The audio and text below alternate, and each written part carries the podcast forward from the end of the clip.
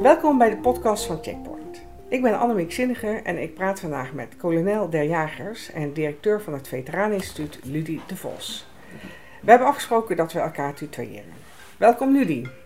Goedemorgen Annemiek en uh, fijn dat we samen deze podcast mogen zitten. Ja, hartstikke leuk. Ludie, het uh, Veteraneninstituut gaat uh, samen met andere organisaties 1 januari op in het Nederlandse Veteraneninstituut. En jij bent de afgelopen 4,5 jaar directeur geweest van, van het VI zoals we dat nu kennen.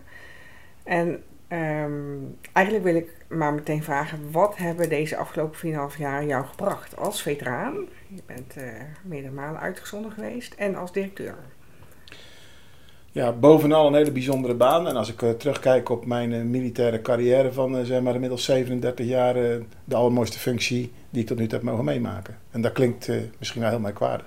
En waarom zou dat merkwaardig klinken? Nou ja, omdat heel veel militairen altijd zeggen dat hun operationele baan en hun operationele inzet toch vaak de, de meest memorabele delen van hun carrière zijn. en voor mij is dat deze baan, ja. voor deze functie. Ja. Want alles komt hierin samen. Ja, al die, uh, al die jaren dat ik uh, kennis en ervaring heb mogen opdoen en al die verschillende netwerken van, van, waar je deel hebt mogen uitmaken, dat komt hier samen. En als je dan praat over het optimaal bedienen van datgene van wat we doen, hè, de veteranen en hun thuisfront, ja, dat, dat kun je eigenlijk alleen maar doen als je een brede kennis en ervaring hebt. Nou, ja. dat, en, en dat voelt echt als het allerbest zittende pak wat ik, uh, wat ik ken. Ja. Uh, je zegt altijd dat dit de baan van je leven is. En zijn er ook nog echt een aantal uh, momenten die in je geheugen gegrift staan in, van de afgelopen 4,5 jaar? Ja, die zijn er wel. Maar uh, los daarvan is er elke dag een moment dat ik mezelf realiseer dat ik bevoorrecht ben dat ik dit mag doen voor die, die hele grote groep waarvan ik zelf ook deel uitmaak. Ja. Elke dag denk ik van wat ben ik, uh, ja, wat, wat, wat, wat een eer en, en wat, een, uh, wat, wat, een, wat een voorrecht dat ik deze, deze functie mag vervullen. En ik knijp mezelf altijd in mijn arm als ik door die bossen hier uh, rijd vanuit, vanuit Schoonhoven naar Doorn en denk er van wauw, weer een hele mooie dag. Ja, ja. Wat zijn initiatieven of, of, activiteiten die het Veteraneninstituut heeft gedaan de afgelopen jaren, waar je echt met trots op terugkijkt?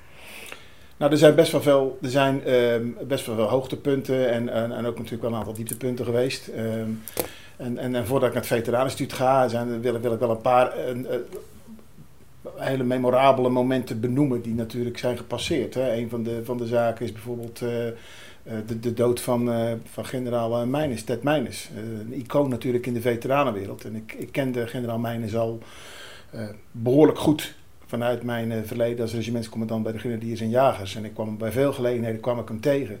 En het was heel bijzonder dat ik in die laatste jaren uh, deel heb mogen uitmaken van zijn leven. Sterker nog, ik heb zelfs uh, het voorrecht gehad om bij zijn laatste keer dat hij uit eten is geweest om erbij te zijn. En dat zijn zaken die blijven wel op het netvlies staan. dat je die hele langzaam steeds zwakker wordende man ziet met al zijn passie die hij nog steeds had.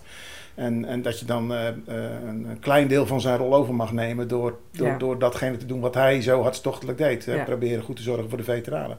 Dat is een, dat is een heel mooi moment. Uh, 75 jaar vrijheid. Beginnend in Normandië, op de stranden staand. Daar zien wat dat allemaal met mensen doet. Ook, ook jezelf realiserend hoe kostbaar hetgeen is van wat we, wat we hebben, die vrijheid. Daar, daar, daar mogen, daarbij mogen zijn. Dat was ook een, een heel, heel, heel bijzonder moment. Uh, in datzelfde, in, in, in, rondom datzelfde gevoel, uh, de bijeenkomst die we hier hadden uh, met, met meer dan 100 Tweede Wereldoorlog veteranen ja. van, van ja. allerlei statuur. Uit, laten we niet vergeten, ook vanuit het Kniel, ook uit de koopvaardij uit de Tweede Wereldoorlog, verzetstrijders. Ja. Een hele, hele bijzondere bijeenkomst. net zo bijzonder als het moment dat we hier in, in Doorn onderscheiding uit mochten reiken aan, uh, aan, uh, aan uh, Molukse knielveteranen en een aantal weduwen. Ook, ook, dat was een hele, hele bijzondere dag. En, en er zijn er heel veel, zijn er heel veel hoogtepunten. persoonlijk hoogtepunt was voor mij natuurlijk daarnaast ook nog dat ik Edwin de Wolf een medaille om mocht hangen in Sydney. Voor het behalen van, een, van de derde plaats bij, bij de wielerwedstrijd bij de Invictus Games. Ja, dat, dat was iets waar wij samen ons verleden natuurlijk een, een stukje afronding hebben kunnen geven. En, en, wat voor mij persoonlijk ook heel belangrijk uh, was. Want ja, je bent zelf wel veteraan en je probeert anderen wel te helpen. Maar je bent ondertussen toch ook altijd een beetje met jezelf, met je ja. verwerking bezig. Ja. Elke, dag dat ik een, elke dag dat ik iemand een beetje kan helpen, help ik ook mezelf. Dat, dat realiseer je ook. Dat zijn zomaar een aantal hoogtepunten die ik kan noemen door uh, daardoorheen natuurlijk ook dieptepunten. Hè. Nog niet zo lang geleden, een van mij mensen die uiteindelijk in eenzaamheid is gestorven Hm. aan een, uh, een veteraan. Uh, ik noem alleen zijn voornaam Wouter, maar dan, dan weten de mensen die, uh, die dit luisteren waar over wie het gaat. Ja, Wouter was een van ons. En uh, Wouter is in, is in eenzaamheid gestorven aan een complex van lichamelijke en geestelijke uitputting en, en rustgevende middelen. En het mag natuurlijk nooit zo zijn eigenlijk dat, we, dat je iemand weg ziet gaan die, en, en het, dat je daar niks meer voor hem of haar Nee. kunt doen en dat je Nee. daar te laat achter komt. Ja. Dat zijn ook wel dieptepunten. Ja. En, en zoals, zoals, Hoe verwerk je dat? Hoe ga je daarmee om? Ja, zoals het eigenlijk ook hoort, door er heel veel over te spreken. En door met de mensen die het uiteindelijk ook aangaat, ehm, door daar contact mee te hebben en, en, en, en, en ook aan, vooral terug te kijken op de mooie herinneringen die je hebt. Ja. Het is heel verleidelijk om dan mee te gaan in de negativiteit van het moment dat iemand doodgaat. Maar het feit dat iemand deel uit heeft gemaakt van, van je leven en jij van zijn of haar leven, maakt ook dat je samen mooie herinneringen hebt. En vooral ook op die mooie herinneringen terugkijken. En, eh, en, en, en, en jezelf realiseren dat je in ieder geval iemand toch nog een waardig afscheid hebt kunnen geven. Want dat hebben we met z'n allen alsnog heel laat wel kunnen realiseren. Mhm. Ehm, dat maakt dan toch dat er een soort gevoel ontstaat van oké, weet je, we hebben, hem niet kunnen, we hebben hem dan niet kunnen redden. En hij was 48 jaar, dus dat is echt veel te jong. Ja. Ehm, maar we hebben wel geprobeerd om zijn afscheid zo waardig mogelijk te maken. We hebben ook nog heel veel mooie herinneringen samen aan hetgene wat we hebben gedaan in de missiegebieden. Ja. Op die manier probeer je het een plaatsje te geven. Ja. En eh, je moet het vooral niet eh, onbesproken laten. Je moet het Nee. vooral steeds weer de gelegenheid geven om toch ook samen terug te kijken. Ja. Foto's kijken, noem maar op. Ja. Met, Ja. eh, het verliezen van mensen is altijd, het, eh, dat doet altijd pijn. Ja. En dat wist ik al natuurlijk vanuit de missies waarin ik mensen was verloren. Ja. Maar je ziet ze dus nu ook. Je ziet nu ook mensen kwetsbaar zijn, Ja. pijn hebben, worstelen met hun geestelijke of lichamelijke nood. Ja. Ja, het, je probeert er wat aan te doen, maar je realiseert je soms ook dat het gewoon niet altijd lukt. Nee. Dat je ook niet altijd de pijn en de frustratie weg kunt nemen. Nee. Nee. Eh, dat, dat besef is goed. Ehm, en, en, en, je- en je moet het ook kunnen accepteren dat dat zo is. Ja. Maar je moet wel altijd proberen om Ja. door te blijven gaan. Om de mensen toch weer proberen dat stukje comfort te bieden. Wetend dat het niet altijd lukt. Nooit stoppen om te proberen. Dat, is, dat is eigenlijk de hoofdboodschap die ik heb. En daarom is zorg, eh, zorg en aandacht is ook zo'n heel belangrijk deel van het werk van, eh, van eh, het Veteraneninstituut. Ja, kijk, zorg en, LZV. aan- ja, toch, toch eigenlijk, eigenlijk is zorg en aandacht zitten in de reactieve fase. Terwijl ehm, eh, ik zeg, als je hem eigenlijk omdraait, hebben we de afgelopen jaren juist een verandering in gang gezet door meer te gaan naar de voorkant. Daar waar eh, je niet hoeft te repareren. Dus, dus als je Mhm. praat over erkenning en waardering, het draait altijd om de veteraan. Die staat centraal, Ja. altijd. Wij zijn allemaal erom aan ondergeschikt. Dat, is- dat is ook echt zo. We proberen ook alles te doen om die veteraan zich zo goed mogelijk, zo comfortabel mogelijk te laten voelen. Ja. En zingeving te laten hè, ervaren in het leven. Ja. Zonder, zonder doel is het leven niet leuk. Dus, Nee. dus, dus dat doel is heel belangrijk. Ja. Ehm, en daarbij begint het met het vertellen van het verhaal. Altijd. Dat verhaal hebben we de afgelopen jaren steeds belangrijker gemaakt. Ja. Ehm, dat verhaal is ook het begin van jezelf actief maken in die samenleving. Dat verhaal is al een vorm van activiteiten, maar ook jezelf presenteren in die samenleving. En wat we zien is dat er de afgelopen jaren veel veteranen die boodschap hebben begrepen en de durf ja. hebben om dingen te gaan doen. Ja, ze durven naar buiten te treden. Ja. En dat is, dat is wat grappig, want je, uit onderzoeken ook van KFC bijvoorbeeld blijkt dat de waardering ieder jaar toeneemt vanuit de samenleving voor veteranen. Maar dat veteranen dat niet altijd zo eh, ervaren. Nee, dat, dat, is, dat, dat, dat, is, dat is blijkbaar iets van. Wij, wij- zijn als militairen zijn we aan de ene kant zijn we eh, dienbaar. Ja. Aan de andere kant zijn we ook een soort bescheiden. En ik, ik wil niet zelf het vals bescheiden is, maar wij willen niet graag over onszelf praten, maar we willen wel graag dat het gezien wordt wat we doen. En er, Ja. zit, een soort, er zit een soort dualisme zit daarin. Ja. Want aan de ene kant is dat natuurlijk, hè, je bent trots op wat je hebt gedaan. En aan de andere kant wil je eigenlijk dat dat gezien wordt, maar je wil er niet te veel aandacht aan geven. Ja. Nou, door ze over de schroom heen te helpen. Ja. En te zeggen van, laat je zien, vertel je verhaal. Je hebt iets bijzonders meegemaakt. Je bent geen, eh, eh, eh, geen bijzondere Nederlander, maar je bent een normale Nederlander die wel heel bijzondere zaken heeft meegemaakt. En vertel die verhalen, daar begint het mee. Want dan gaat die samenleving begrijpen hoe je, ehm, hoe je in elkaar zit, Ja. wat je hebt meegemaakt, wat Ja. het voor jou betekent, voor je gezin betekent. Ja. En dan kunnen ze daar ook die erkenning en daarna de waardering aan geven. En bovendien maakt het jezelf ook sterker, doordat als je je presenteert, je makkelijker je spanningen kwijt kunt. Ja. Je beter in je vel komt te zitten. Ja. Andere veteranen jou ook beter begrijpen. Ja. Dus, dus het is ook het begin van ehm, betere ehm, maatschappelijke verankering. Ja. En, en, en dat dan de vervolgstap is om ook nog eens een keer actief te worden op allerlei plaatsen. Want mensen leren steeds beter begrijpen dat veteranen bijzondere, toch wel bijzondere kennis bij zich dragen, bijzondere Zeker. competenties, gedisciplineerd kunnen werken. En dat zie je ook terug. We zien steeds vaker dat mensen actief in die samenleving zijn. Er zelfs toe worden uitgenodigd. eh, en, en, en dat dat dan uiteindelijk een, Ja. een stimulerende werking geeft. Ja. En, en, en, en over die schroom heen stappen en dingen durven doen en gaan doen. Ja, dat is heel belangrijk in het kader van het verbinden met de samenleving. Ja, en, en, en beter begrip bij de samenleving. Want ik, ik denk dat het voor een hele hoop mensen ook best nog wel abstract is. Van zo'n missie, wat de militairen daar meemaken, wat er allemaal gebeurt. En ja, toch vaak eh, hele spannende Ja. leven op dood situaties. Ja. En dan is het goed als inderdaad veteranen daarover naar buiten kunnen en durven treden. Omdat eh, misschien ook bij de samenleving eh, iets ja, bestaat van... Het is een heel afgesloten clubje die zich Ja, eh, terugtrekt, moeilijk benaderbaar, eh, zich misschien ook een heel klein beetje soms verheven voelen boven. Ja, dat, is, dat, burgers, dat, dat is natuurlijk zo. Kijk, de, de, de militaire wereld is natuurlijk in de samenleving altijd een wereld geweest die aan de ene kant heel erg aanspreekt. Hè. Kinderen lopen natuurlijk eh, jong altijd met, eh, met, met, met wapens, eh, met, met speelgoedwapens Ja, rond. Dat ja. is altijd dat is fascinerend, geweld. Terwijl er natuurlijk in de praktijk aan, aan, aan oorlog helemaal niks fascinerends is. Nee. Sterker nog, het is het meest vreselijke wat je kunt meemaken. Ja. Als je in de krijgsmacht werkt en je wordt uitgezonden, dan realiseer je heel goed dat datgene van wat je meemaakt en wat je ziet, en dan hebben we het dan wel even over, over zeg maar, de extreme zaken die je Mhm, ziet, mhm. eh, niet bedoeld zijn voor de hele samenleving. Juist omdat jij daarheen gaat, maakt het dat anderen dat niet hoeven zien. Ja. Eh, dat maakt je niks beter, maar dat maakt dat jij diegene bent die maakt dat de samenleving dat niet mee hoeft te maken en dat Ja. niet hoeft te zien. Ja. Eh, daarom maakt is het ook het erover spreken niet altijd even makkelijk Nee. voor iedereen. Hè? Want eh, ja, hoe, hoe vertel je die zaken die normaal gesproken niet op het netvlies horen te staan? Hoe vertel je dat aan iemand die, dat, die daar heel moeilijk beeld en geluid bij heeft? Dat is ook best lastig. Daar zit ook een soort disconnect. Ja. Ehm, maar toch proberen te vertellen van, van wat, er daar, wat daar gebeurt, soms heel ver weg. En hoe, hoe anders dat is dan in het veilige Nederland, waar we elke dag de, de, de veiligheid mogen koesteren. Ja. We behoren tot, tot een van de veiligste en een van de meest welvarende landen in de wereld. Dat, Ja.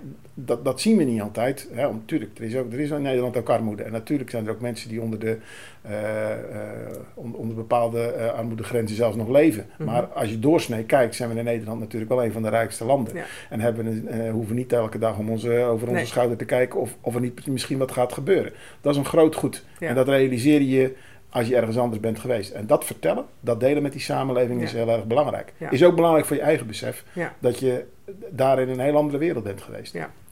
Ehm, je zei van, nou, eh, is het een soort arrogantie? Nou, ik denk dat het gewoon ook lastig is om te vertellen van wat je hebt gezien. Ja, ik, ik zeg niet dat het arrogantie Ah, is, maar dat, ah. zo kan het Nee, zo kan, overkomen. nee, nee, nee, ja, Dat, dat, Ja. dat, dat snap ik. En ik, Ja. ik, ik begrijp dat ook goed. Het is ook een... Naar buitensluiten van Ja, de burger. Ja, ja, dat doe je. Ja, en sterker nog, van ook de partner. Ja. Ik bedoel, hè, Ja. we, we, we voelen onszelf vaak eh, het meest veilig bij, bij anderen die Ja. ons ook goed begrijpen. Ja. Ik bedoel, het is natuurlijk ook zo, als je met een veteraan in een ruimte komt en, en, en je hebt tien mensen in een ruimte, je weet binnen vijf seconden, weet je van wie de andere veteranen zijn in die Ja, ruimte. Gewoon precies. omdat je dat ziet. Ja. Dat kan overigens ook een andere geuniformeerde zijn. Hè? Want Ja. een politieagent, die straalt een soort gelijk iets uit, vind ik. Eh, om, om, om, die heeft ook dat...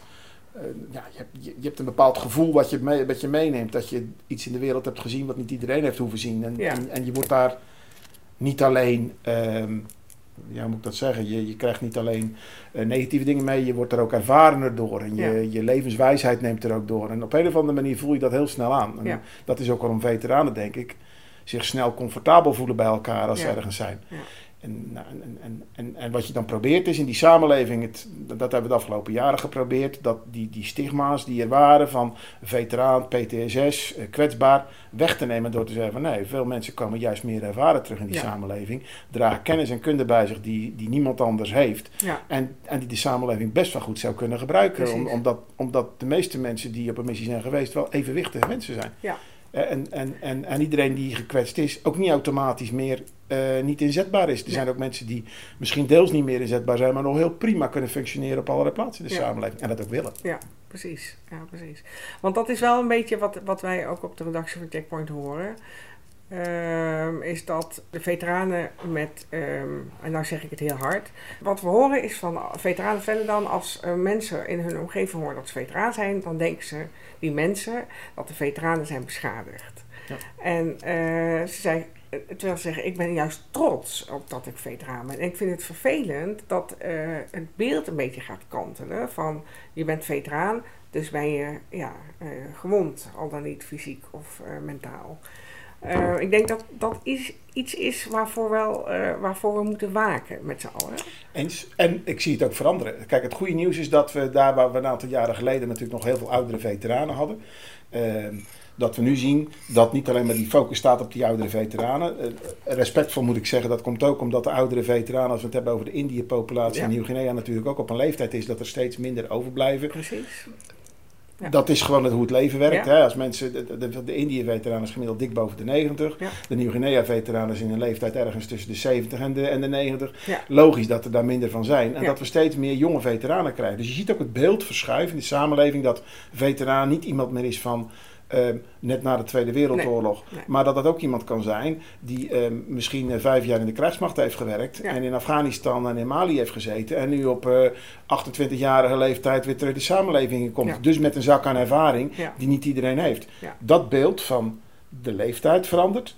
En ook zie je daardoor, doordat dat verandert, dat mensen dus ook wat, wat verder gaan kijken en zich realiseren dat een veteraan niet automatisch dus een, een, een oudere is met PTSS. Uh, eh, maar dat dat ook best een jongere kan zijn die uh, juist heel veel krachtigheid uh, met ervaringen terugkomt en iets kan toevoegen. Ja. Dat besef gaat langzaam. Ja. Maar je ziet het wel toenemen. Ja. En, en daar is de veteraan natuurlijk zelf ook voor een deel voor verantwoordelijk. Want een mooi voorbeeld wat ik heel graag wil noemen altijd... is het veteranen search team. Waar je ziet dat mensen zich maatschappelijk nuttig maken. Uh, langs de lijn van we verenigen onze eigen ervaringen met die van andere veteranen. Ook overigens van andere geuniformeerde diensten, want die zitten daar ook volop tussen. En vervolgens gaan we ook nog eens iets doen in die samenleving wat relevant is. Ja. weet je, dat is voor mij uh, zeg maar de hoofdprijs. Als, als we dat doen, dan heb je alles bij elkaar. Je eigen verhaal, het verhaal delen met anderen, iets doen voor de samenleving. Oh ja, en by the way ook nog iets relevants doen voor de samenleving, waardoor je anderen ontlast. Dat is voor mij de mooiste vorm van uh, jezelf verbinden met de samenleving. Waarbij je kracht put, andere kracht geeft. Uh, ook, ook thuis natuurlijk het dan makkelijker gaat. Want zit je zelf lekker in je vel. Precies. Is het ook thuis allemaal makkelijker om, om, om, om te doen. Ja, uh, ja dus, dus dat soort voorbeelden. Ja, die zetten we graag in, het, in, het, in, het, in de schijnwerpers, in, het, in de spotlights. Ja. Want daar zouden best nog heel veel meer andere voorbeelden mogelijk zijn om, uh, om te volgen. Dus, ja, ja, het is een briljant initiatief. Het thuisfront is ook uh, een um, tussen aanhalingstekens doelgroep uh, van het Veteraan Instituut. Ja, het is eigenlijk een impliciete doelgroep. Ja. Uh, om, omdat in de veteranenwet de veteraan en de relatie in één, na, in één zin worden genoemd. Dus als we het over de veteranen hebben, hebben we altijd, uh, hebben we altijd gedacht dat het thuisfront erbij hoorde. En de afgelopen jaren hebben we dat, wat meer, hebben we dat vervolgens, die impliciete doelgroep, ook wat meer expliciet aandacht ja. gegeven. Ja. Omdat we wilden laten zien dat als jij op missie gaat als militair jouw gezin ook op missie is. Ja. En, en, en dat ook daar aandacht voor moet zijn. Hè? Ja. En, en, dat als er problemen voor ons komen door de missie, ja. dat dat niet alleen kan hoeft te komen door het feit dat jij op pad bent geweest in het buitenland, nee. maar dat ook het thuisfront uh, natuurlijk diezelfde missie ook uitdagingen heeft gehad waarmee ze worstelen. Ja. Nou, en, en door dat holistisch te benaderen en, en door ook de, de, de aandacht te geven aan het thuisfront die ze verdienen, uh, nou, dat is in de veteranenwet natuurlijk al voor een deel opgesloten, maar ook door, wat, door, door hier bijvoorbeeld bijeenkomsten te organiseren, door een, door een eigen aanspreekpunt, een eigen, uh, ja. een eigen Facebookpagina waar ze Ja. thuisfront gerelateerde uitdagingen kunnen, uh, kunnen uiten Ja. en, en, en, en daarover kunnen, van gedachten kunnen wisselen zonder dat een veteraan er altijd zelf bij hoeft te zitten. Ja. Ja, dat, ik denk dat dat een, een groot goed is. Ja. En ik denk ook dat dat recht doet aan het feit dat je na je militaire dienst uit de langste uitzending van je leven gaat. Dat is totdat je doodgaat. Ja. En, en dat je gezin daar ook Ja. eh, mee, mee te maken krijgt. Dus, dus hoe hoor je ook daar aandacht aan te besteden? Ja, Ja. precies. 2020 had een, eh, een, een heel eh, jubileumjaar moeten worden. 75 jaar vrijheid. Nou, dat is deels natuurlijk in het water gevallen door corona.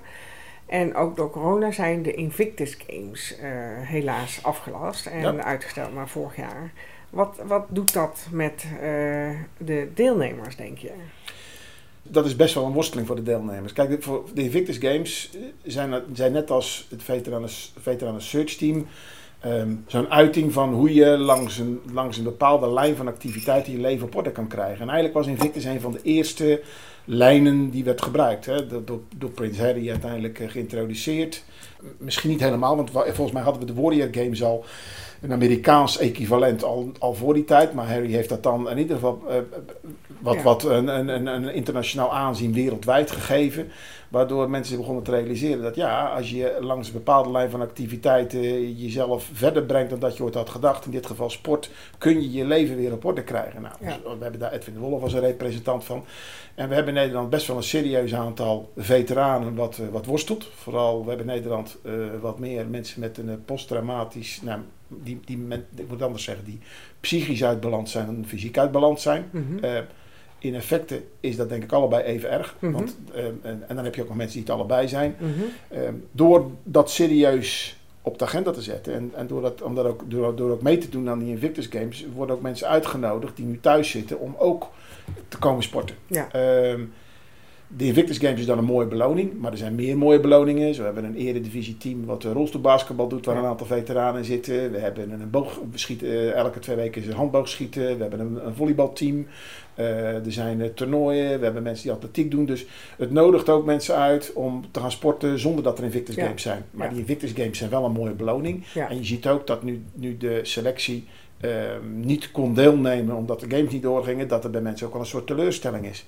Nou, door corona wordt dat nog eens versterkt. Ja, ja. En dat betekent dat ze ook hun trainingen nu niet kunnen doen en elkaar minder vaak kunnen zien. Dus wat, wat zie je dan gebeuren? Dan zie je dat ze toch weer wat meer in het isolement beginnen te raken. En, en dat ze kwetsbaarder worden. Dat geldt niet alleen over voor de Invictus geselecteerden. Nee. Dat geldt ook voor al diegenen die ook sporten en niet geselecteerd zijn voor de games. En dat geldt ook voor die veteranen die we niet in zicht hebben. En die, die die uh, misschien activiteiten in allerlei vormen ook nodig hebben en, en dat nu niet kunnen, uh, kunnen doen. Ja. En als je dan kijkt naar die zingeving, die zo belangrijk is, hè, dat doel in je leven en waar dit soort activiteiten een extra rol in kunnen geven. En je praat dan over die, die, die met name die mentale toestand, die mentale balans die dan uh, is, dan is dat wel iets wat, wat een puntje is. Ja. Want je wil dan misschien wel zelfredzaam zijn en misschien wel iets gaan doen, maar de mogelijkheden zijn minder. Dus voor zowel de Invictus Games deelnemers, maar ook al die anderen die daar achter zitten en waarvoor deze groep zeg maar een soort representatief is. Ja, daar, daar betekent dat wel iets. Eh, Covid maakt mensen extra eenzaam. Ja. En, um, um, Houden jullie die mensen een beetje in de gaten? Hebben jullie ze in de smiezen? Uh, in de eerste COVID-periode hebben we wel een, eh, zijn we uh, gaan bellen. Hebben we gewoon, we zijn, dat, dat hebben we alle initiatieven bedacht om mensen thuis te gaan bellen en te gaan benaderen. Wat we in ieder geval tegen de veteranen hebben gezegd en wat ik hier ook nog een keertje wil zeggen van ja, hou elkaar een beetje in de gaten en zorg dat je goed op elkaar past. Dat, dat was overigens ook een boodschap die, die generaal Meijners altijd als een van zijn spreuken had. hou elkaar vast, zorg goed voor elkaar. En, en, en, en, en dat, dat kun je eigenlijk alleen maar benadrukken. Want ja. Ehm, buddy support is misschien wel de allerbelangrijkste voorwaarde die er, eh, die er is om, om dat het ook goed met je blijft gaan. Ja. Ehm, we zeiden al, met, met vooruit de meeste mensen gaat het gewoon goed. Ze zitten gewoon in een normaal dagelijks leven, ook zijn met hun gezin. Maar je hebt geen garantie dat je tot het einde van je leven ook goed in balans blijft. En, en dan is het wel belangrijk om ook met anderen in gesprek te blijven. Dat anderen een beetje in je buurt zijn om je in de gaten te houden. Het moet niet, maar het kan ook geen kwaad om ze nu en dan toch eens eventjes uh, een, een, spiegel tegen je aan te houden. Die je thuis niet altijd hebt. Hè? Want we hadden het net al erover dat je thuis niet altijd alles vertelt van wat je tegen je al tegen kameraden wel verteld. Precies, ja, En dat is, dat is die bijzondere vorm van kameraadschap die je wel met elkaar hebt, waar je wel de zaak elkaar durft te vertellen. En, en, en waardoor je net wel wat verder gaat in, in, in meedoen dan wanneer je dat zou doen als je alleen thuis bent. Overigens is dat bij jongeren anders dan bij ouderen, denk ik. Ik denk dat ouderen dat minder hebben geleerd. Ik denk dat jongeren sowieso in hun voorbereiding op missies al iets meer hebben geleerd. Ook vaker wel de bereidheid hebben om wel te gaan vertellen. Dat zie je bijvoorbeeld hier ook in nazorggroepen. Ja. Je ziet hier ook steeds vaker dat groepen die samen heftige dingen hebben meegemaakt, bijvoorbeeld Afghanistan en in Irak en in Bosnië, wel de, wel de durf hebben om bij elkaar te gaan zitten en om dat te bespreken. En, en, en, en uh, ik wil ook vooral dan een groot compliment geven aan de, aan de commandanten van die eenheden, die de durf hebben om hun mensen bij elkaar te, te harken. Om dat dan wel te doen en om te zeggen van kom op, we gaan bij elkaar zitten en we gaan gewoon eens even dwars door die, uh, door die ellende heen die, Ja. die er nog ligt. Ja. En, en eh, wat je dan ziet, die opluchting die daarna kan ontstaan bij, bij mensen. eh, daarmee zeg ik van, eh, doe dat ook gewoon, volg dat voorbeeld. En ga Ja. bij elkaar zitten. Ja. En, en, en, en, en, en, en drink een kop koffie en vertel je verhalen, vertel je frustraties en vertel wat je bezighoudt. Dat vertellen van het verhaal, daar komen we weer, gaan we weer Ja. terug naar dat verhaal. Daar begint alles mee. Ja. Als je je verhaal vertelt, als je durft, durft jezelf te laten zien, als je durft in die samenleving jezelf zichtbaar te maken, dan zie je ontvankelijkheid, omdat er eh, best wel veel eh, goed geluisterd wordt naar het verhaal. Eh, en vervolgens respect voor en respect ontstaat. Ja, ja, zeker. En je vervolgens zelfs uitgenodigd wordt om weer deel te nemen aan die samenleving in allerlei verschillende vormen. Ja. Dat kan zijn door een baan, dat kan zijn door dat searchteam bijvoorbeeld. Of, of, of een mooi voorbeeld in Limburg. We hebben in Zuid-Limburg een paar klusteams in eh, de buurt van eh, Kerkrade, Parkstad. En, eh, en wat die doen, die gaan de samenleving in en die, die hebben een gereedschaps, grote gereedschapsset. En, en die gaan mensen die het niet zo breed hebben in de samenleving gewoon helpen. Die gaan gewoon kleine Oh, klusjes doen. En die ja. vragen daar een heel klein prijsje voor. Ja. Zodat ze nou, uit de kosten blijven. Ja. Maar die doen dat om de samenleving te helpen. Dat, is, dat vind ik fantastisch. En dat zijn ook mensen die dat ook zelf kunnen gebruiken. In de zin van dat die activiteit hun ook sterker Ja, ja, en beter maakt. werkt twee, dus het twee werkt twee kanten op. En, ja. en ook dat zijn, weet je, hele mooie voorbeelden ehm, van, van hoe je je verbindt met de samenleving. Is daar, ligt daar ook nog een eh, schone taak voor het eh, VI eh, om gemeentes echt heel concreet op gemeentelijk niveau lobbywerk te verrichten van... Ja. Jazeker. Eigenlijk is het lastig. Als je, niet, als je, als je de militaire wereld, gewoon de militaire wereld werkt, in de krijgsmacht, in de operationele, bij de operationele delen, bij de defensieonderdelen, dan heb je eigenlijk geen idee wat er precies in die veteranenwereld allemaal gebeurt. En er zullen best wel collega's die zeggen van ja, dat zal wel. Nou, ik zou je vertellen, ik, ik, ik dacht dat ik die wereld goed kende en ik heb een half jaar nodig gehad om, om te begrijpen hoe de netwerken in elkaar zitten. En dan zie je dat er, ehm, eh, iedereen loopt graag weg met de nice to have's uit de veteranenwereld. Maar op het moment dat je praat over het echte verbinden en je gaat het diepte in, dan wordt het een stukje complexer. En je En wat ziet, bedoel je dan? daar bedoel ik eigenlijk mee te zeggen dat ehm, eh, op het moment dat er een, eh, dat veteranen als, als, als vlaggenschip gebruikt kunnen worden, dat iedereen graag Ja. daarmee koketteert. Maar om, om, om af te vragen van wat kunnen we verder nog en hoe Ja. kunnen we veteranen verder gebruiken als een, eh, een groep die ehm, gedisciplineerd kan werken, die iets kan toevoegen daar waar, waar anderen dat niet kunnen. Hè, eh, op lokaal niveau hebben we vaak tekort aan handhavers. Waarom Ja. zou je veteranen niet uitnodigen Ja. om daar een rol in te spelen? Eh, het, is, het is ook een, een groep die meer, nou, die bepaalde kwaliteiten bij zich draagt, waar je samenleving gebruik van kan maken. En je ziet dat dat wel steeds beter wordt begrepen. Mhm. Eh, we hebben daar ook wel heel hard op ingezet de afgelopen jaren. Eh, dus daar waar we het van buiten soms moeilijk te zien is welke kansen er liggen, is er vanuit deze wereld, zie je wel dat we steeds meer zijn gaan samenwerken. Die, die, die gemeentes benaderen door te zeggen van oké, nodig je veteranen eens uit. En, en eh, er zijn ook burgemeesters die hier ook gewoon naartoe komen om te vragen van wat kunnen we dan doen met veteranen. Ik heb hier gemeenteraadsvergaderingen gehad Oh, of eh, regiovergaderingen van burgemeesters die samen keken van oké, en wat kunnen we dan doen met onze veteranen? Anders dan een dag in het jaar Precies. een activiteit te organiseren.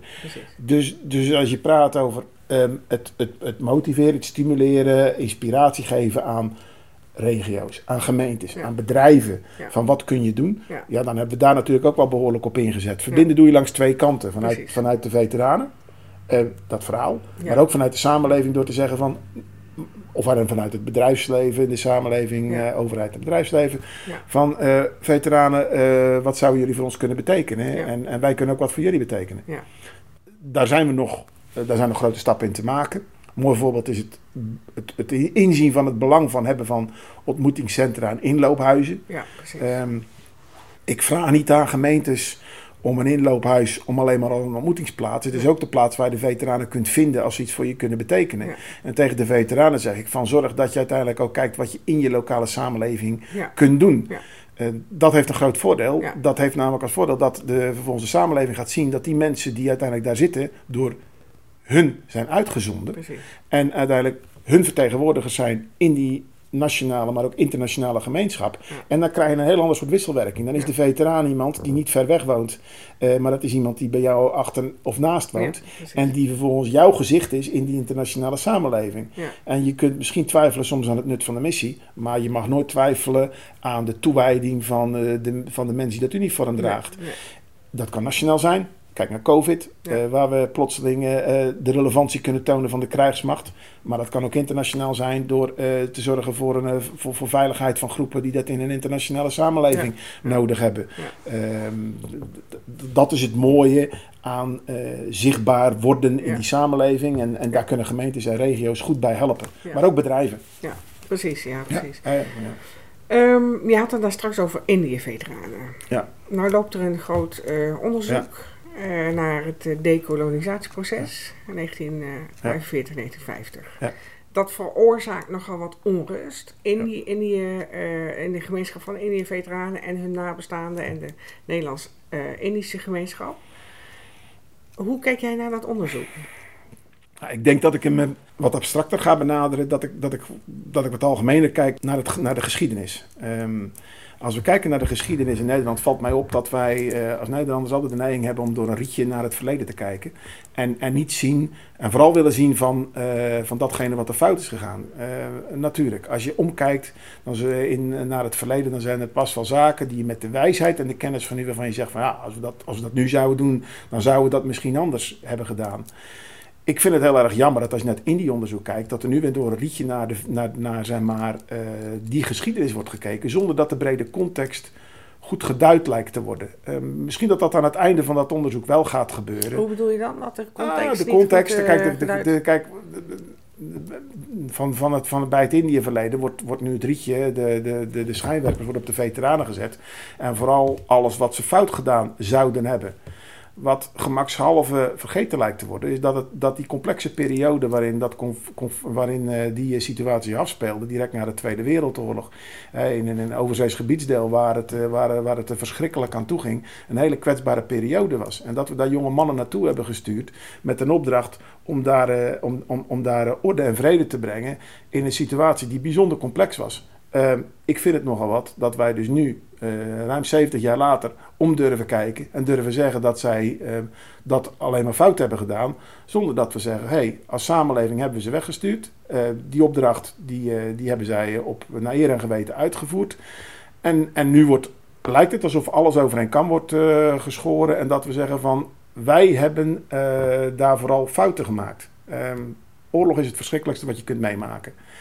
En eh, in oorlog gebeuren, gebeuren er ook verschrikkelijke dingen. Maar die verschrikkelijke dingen die gebeurden eigenlijk ehm, die, die gebeurden langs alle kanten door alle partijen. En het is niet fair dat wij eh, mensen die naar eer en geweten zich inzetten in een missiegebied, eh, nu de, de volledige schuld geven van, van datgene wat daar allemaal is gebeurd. Ja. Eh, dat, dat, dat past niet. Nee. Eh, We weten ook niet of dat gaat gebeuren, hè? of dat de uitkomst uiteindelijk nee, is. Maar, maar, maar wat jammer is, is dat dan zeg maar voordat eh, de, de resultaten en of de conclusies zeg maar, van het onderzoek worden, worden gepresenteerd, dat er al zoveel over wordt gediscussieerd. ja. Dat, datzelfde gevoel had ik ook natuurlijk bij Srebrenica, waar ik zelf deel van uitmaak. Ik ben Srebrenica-veteraan. Iedere keer maar weer horen dat er 8000, eh, meer dan 8000 eh, Bosnische mannen en vrouwen zijn, eh, zijn, eh, zijn omgekomen in dat conflict. En steeds maar weer die vinger naar, naar Mhm. Dutchbed. Mhm. Eh, dan denk ik van, waarom moeten wij per se de schuld bij onszelf willen leggen? Dat gevoel heb ik ook een beetje bij het Indië-onderzoek. En ik vind het bijzonder onfair dat, dat iedereen nu naar onze Indië-veteranen wijst. En Ja. ik hoop van, Hans, ik hoop van ganse harte dat strakjes in de conclusies de context goed en breed wordt geduid. Dat duidelijk wordt gemaakt dat het een bijzonder complexe ehm, periode in de tijd was. Waar het heel erg lastig is om, eh, om iets van mensen te vinden. Maar bovenal vind ik dat als wij mensen uitzenden voor een missie en ze in een complexe situatie brengen, dat wij ook als samenleving verantwoordelijk zijn. En niet alleen die mensen, of niet bijvoorbeeld alleen maar die Ja. mensen die we wegsturen. Nee. Dat is een punt dat jij vaak maakt. Hè? Ja. Ehm, inderdaad, ook eh, als het gaat over Srebrenica, nu over het Indië-onderzoek. ja. Wij als dat- samenleving zijn verantwoordelijk voor van wat er gebeurt op een missie. Ja. Waarom is dat? Ja, je merkt ook dat ik mijn woorden net als bij het Indië-onderzoek zorgvuldig kies. Omdat Ja. ik, ik wil niet wijzen. Eh, Nee. eh, eh, ik, ik vind het verschrikkelijk wat we onze, onze oudere veteranen aandoen. En ik heb als directeur VI ook tot nu toe mijn mond moeten dichthouden. Dus vandaar dat ik dit ook wel mooi vind. Dat ik dus in, in mijn, eh, mijn last post die ik mag doen, eh, eh, zowel in Checkpoint als hier op de podcast, uiteindelijk ook mag, wat mag vertellen. Natuurlijk raakt het me. En natuurlijk zit ik op mijn handen of, of moet ik, vind ik het soms lastig om mijn mond te houden. Maar wij als samenleving zijn verantwoordelijk voor de inzet van onze krijgsmacht. We hebben geen keuze. Hè. De, de, de, de grondwet die voor iedere Nederlander geldt, geldt niet voor militairen als ze weg worden gestuurd. Wij, als wij worden gestuurd, mag je geen nee zeggen. Dat maakt ook dat mensen daar goed over na moeten denken. Dat als we dan weg worden gestuurd, dat we dan uh, uh, ook die complexe taken proberen uit te voeren. En ja, dat je dan ethische dilemma's hebt en in, in conflict situaties komt waar je goed over na moet denken of je iets wel of niet doet, dat is evident. En natuurlijk worden daar ook keuzes gemaakt waarvan je achteraf zegt van ja, die had ik misschien liever anders gemaakt. Mm -hmm. Maar voor het overgrote deel van onze mannen en vrouwen die we pad sturen, durf ik echt mijn hand in het vuur te steken en te zeggen van, die doen dat naar eer en geweten, die doen dat met respect voor, voor uh, normen en waarden. Ik denk dat als zaken uit de hand lopen, dat dat, dat, dat ook iets is wat, wat, wat zomaar kan gebeuren. Ja, ja. Maar we leiden mensen goed op, uh, we zorgen dat ze even, zo evenwichtig mogelijk op missie gaan uh, en als ze dan in complexe situaties komen, dan komen ze er doorgaans ook goed uit. En daar waar het uit de hand loopt, loopt het vaak uit de hand om, om, om omdat oorlog nou eenmaal heel erg complex is en je niet altijd alles in, um, in, in, in, vaste banen kunt leiden. En ja. Als jij niet overleeft, dan overleven je mensen niet. Ja. Of, of als jij niet op de ander schiet, ja. dan overleeft de ander niet. En dat wil niet zeggen dat ik daarmee goed praat dat bepaalde zaken zijn gebeurd in het verleden. Nee, nee. helemaal niet zelfs. Nee. Uh, sommige mensen slaan door, raken volledig de weg kwijt. Mm -hmm. Maar veruit de meesten weten heel goed wat ze blijven doen. En als militair ben je gewend om gedisciplineerd op te treden. En val je terug op je drills en je skills. En, um, en het, dat dat een keer fout kan gaan. Ik ben de laatste om dat te bestrijden. Maar ik durf te zeggen dat het eigenlijk bijna altijd goed gaat. En dat mensen bijna altijd goed doen waar ze voor zijn opgeleid. Ja. Uh, en, en, en ook proberen alles eraan te doen om geweld te voorkomen. Ja. Um, eigenlijk, dat, dat zei ik toen ik uh, actief dienend was altijd als militair bij de grootste pacifist. Want je probeert datgene te doen, datgene te vermijden waarvoor je bent opgeleid. Je probeert tot het laatst toe uh, te vermijden dat je geweld moet toepassen. Ja, ja. En, en je hebt daar ook een betere opleiding voor dan de gemiddelde Nederlander. Ja. Dus als je het dan toepast, dan moet je zorgen dat dat alleen maar bedoeld is om geweld te stoppen. En, om, en om te maken dat, dat je een tegenstander, zoals we dat in de militair jargon zeggen, zijn wil oplegt. Om te maken dat het zo snel mogelijk weer veilig wordt. Dat, dat, dat is waarvoor je uh, dat, dat pak hebt aangetrokken. Uh, wat, wat zou je de onderzoekers van, dat, van het Indië-onderzoek willen meegeven? Want de conclusie is over de presentatie van het rapport is uitgesteld, komt pas eind volgend jaar. Ja, kijk, en ik, kan, ik mag een onderzoeker niet vertellen van wat hij of zij mag doen. Ik kan wel zeggen van het um, um, verplaats je wat meer in wat het doet met de mensen die daar hebben gezeten voor zover ze leven of hun nabestaanden. En en, en uh, publiceer niet te veel tijdens het onderzoek. Respecteer datgene wat aan de voorkant is afgesproken door tijdens het, uh, de onderzoeksperiode. Vooral terughoudend te zijn. Er is veel meer te vinden in een dialoog en het zetten van perspectieven naast elkaar mm -hmm. en die met elkaar te kruisen, dan uiteindelijk overal openlijk het conflict aan te gaan. Want daar smullen vooral de media van Precies. en de samenleving. En, en, ja. en blijf in gesprek met elkaar. Dat is mijn boodschap. Hoe moeilijk ook, ja. hoe kwetsbaar de geschiedenis ook. 1 januari 2021 uh, moet het de nieuwe, de nieuwe organisatie operationeel zijn. Ja. Wat gaat het focuspunt zijn, denk je? Of zou moeten zijn? Wat zou je um, willen wat er gaat gebeuren de komende jaren? Nou, vooral het, het, eerste wat ik natuurlijk zeg is van die veteraan moet in het middelpunt blijven staan. Ja. Uh, natuurlijk, er komen ook andere organisaties bij waardoor je bijvoorbeeld ook iets meer kunt doen voor andere geuniformeerde beroepen. Maar het, het, we, we, blijven de hoofduitvoerder van de veteranenwet. Ook het ja. nieuwe, nieuwe Nederlandse Veteraneninstituut blijft de hoofduitvoerder van de veteranenwet. Dus de veteraan en, uh, en zijn of haar relatie, ja. zoals dat mooi in die, eerste, in die eerste regel staat van het uitvoeringsbesluit, die moeten centraal blijven staan. Ja. Dat is waar het om gaat. Um, Ook de actief dienende. Ja, dat is heel belangrijk. Ja. Dat, dat, is goed dat je dat zegt. Want kijk, het Veteraneninstituut en de Veteranenwet is niet alleen bedoeld voor de postactieve veteraan. Nee, nee. De Veteranenwet is voor elke veteraan. Ja. En je ziet ook in de dagelijkse praktijk dat best wel regelmatig um, actief dienende veteranen ook ons weten te vinden. Ja. Ook in gesprekken, ook in uh, uh, veteraan uh, die in de klas staat bij het educatieve programma, ook bij het erecouloir, ook bij de activiteiten zoals bij een search team lopen actief ja. dienende lopen rond. Ja. Um, maar ook op het moment dat een veteraan het makkelijker vindt om bij het Veteraneninstituut aan te kloppen, omdat hij of zij even niet lekker in het vel zit. Ah. En dat wat moeilijker vindt bij de bedrijfsmaatschappelijk werk binnen Defensie. Ja. Waarom zou dat niet via de U-bocht, wij, dat wij, wat we nu ook doen, soms mensen weer terug begeleiden richting ja. Defensie? Ook daar is die uh, wet voor bedoeld. En ook dat moet vooral zo blijven. Wij zijn nu een veilige plaats voor veel veteranen. Uh, dat is een, iets wat we met de veteranen samen hebben bereikt. Uh, we zijn dankbaar dat, de veteranen ons dat vertrouwen geven. Hè, want wij, wij, zijn een stichting nu, als een Nederlands Veteraneninstituut, strakjes ook, is dat strakjes ook. Het VI nu en het Veteraneninstituut strakjes is dat ook. Buiten Defensie. eh, een zelfstandige positie. Met ook ehm, mensen die uiteindelijk ehm, durven gas geven op het moment dat er iets is wat, wat misschien wel in het belang van Defensie is, maar even niet in het belang van de veteraan. Ik weet dat klinkt uh, bijna tegenstrijdig, maar dat kan soms zo zijn. Dat, die, dat, daarvoor zet je een veteranenstuut zelfstandig weg. Ja. Niet om om je tegen Defensie te keren, maar wel om de belangen van de veteraan goed af te kunnen hechten. En soms gaat dat in een net wat ander tempo. Ja. Uh, de afgelopen jaren hebben we een prima wisselwerking met Defensie gehad, maar hebben ook het vertrouwen van de veteranen kunnen, van veel veteranen ja. kunnen winnen. Dat, dat is wel iets wat sommige uh, veteranen een beetje huiverig voor zijn. Omdat uh, ja, de onafhankelijkheidspositie van... zelfstandig. Ja, zelfs... ja, ik zei dat heel bewust. Hè. Kijk, de, de samenleving is, heeft de veteranenwet gemaakt. Ja. Defensie is degene die die veteranenwet verder gezicht geeft. Nou, dat is logisch, want het zijn oud-werknemers van mhm, Defensie. Mm -hmm. En Defensie verstrekt ook de subsidie die wij krijgen. Ja. Maar wij kunnen nooit onafhankelijk zijn, omdat, omdat de subsidie eigenlijk bijna volledig vanuit Defensie komt. Precies. Dus wat je kunt zijn is zelfstandig. Ja. En zelfstandig houdt in dat je eh, de belangen van de veteraan stelt boven andere belangen. En de taken die je krijgt opgedragen door Defensie, maar ook door andere opdrachtgevers, zo goed mogelijk probeert uit te voeren. We moeten vooral ook veilig blijven voor die mensen die zich niet veilig voelen bij Defensie. Precies. En dat is wel een uitdaging. Ja, dat is een uitdaging. En het goede nieuws is dat natuurlijk in die nieuwe organisatie eh, bijna iedereen uh, meegaat. Ja. Uh, ja, mijn functie houdt op te bestaan. En die, die functie van een aantal andere direct, directeuren of mensen in die directies houdt op te bestaan. Dat, mm -hmm. dat is logisch. Hè? Dat mm -hmm. zijn er overigens niet veel. vooral directeuren zijn dat. voor de rest gaan de meeste mensen gaan mee in die nieuwe organisatie. Dus ehm, het DNA is goed. Ja.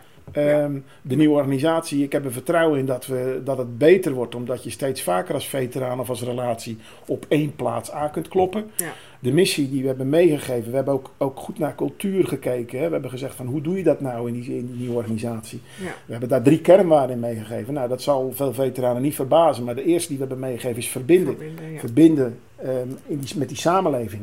Verbinden met veteranen, verbinden met andere doelgroepen, maar ook verbinden met die delen die we nu, die zes organisatiedelen die we elkaar brengen.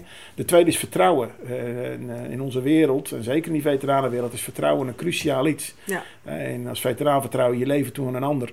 Uh, maar je, nu vertrouw je ook je, je welzijn toe en misschien wel aan het nieuwe Nederlandse Veteraneninstituut. Dat ja. hoop ik van ganse harte. Ja. maar je vertrouwt er ook op dat je de ruimte krijgt om je plaats in die samenleving weer terug te kunnen vinden. Ja, dus dat, ja. ook dat is breder. Ja. En de derde die we hebben gedaan is het vernieuwen. Hè, omdat de wereld om je heen constant verandert. En ook omdat de veteranen constant veranderen. We krijgen jongere veteranen met meer verschillende missies.